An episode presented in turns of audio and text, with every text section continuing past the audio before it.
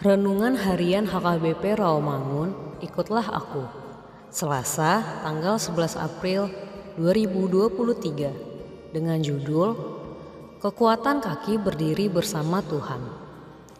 Bacaan kita pada pagi ini tertulis dalam 1 Korintus pasal 15 ayat 1 hingga 11. Bacaan kita pada malam ini tertulis dalam Hosea pasal 6 ayat 1 hingga 3 dan kebenaran firman Tuhan yang menjadi ayat renungan kita hari ini tertulis dalam 1 Korintus pasal 15 ayat 58 yang berbunyi Karena itu saudara-saudaraku yang kekasih berdirilah teguh jangan goyah dan giatlah selalu dalam pekerjaan Tuhan.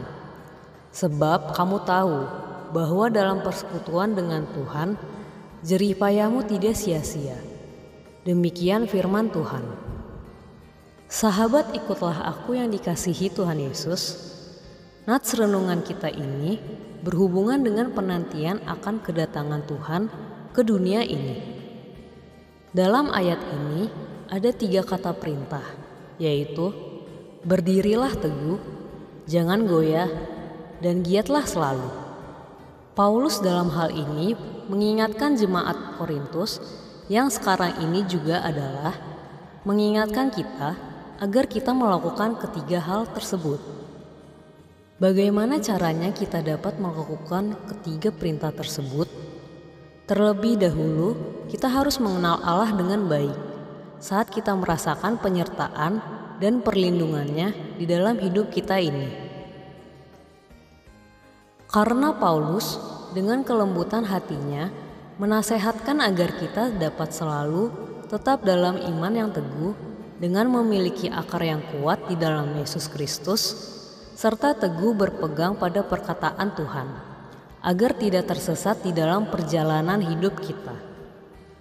Kita juga diingatkan melalui renungan hari ini agar selalu giat dalam pekerjaan Tuhan, yaitu mengabarkan Injil serta menarik banyak jiwa kepada Kristus.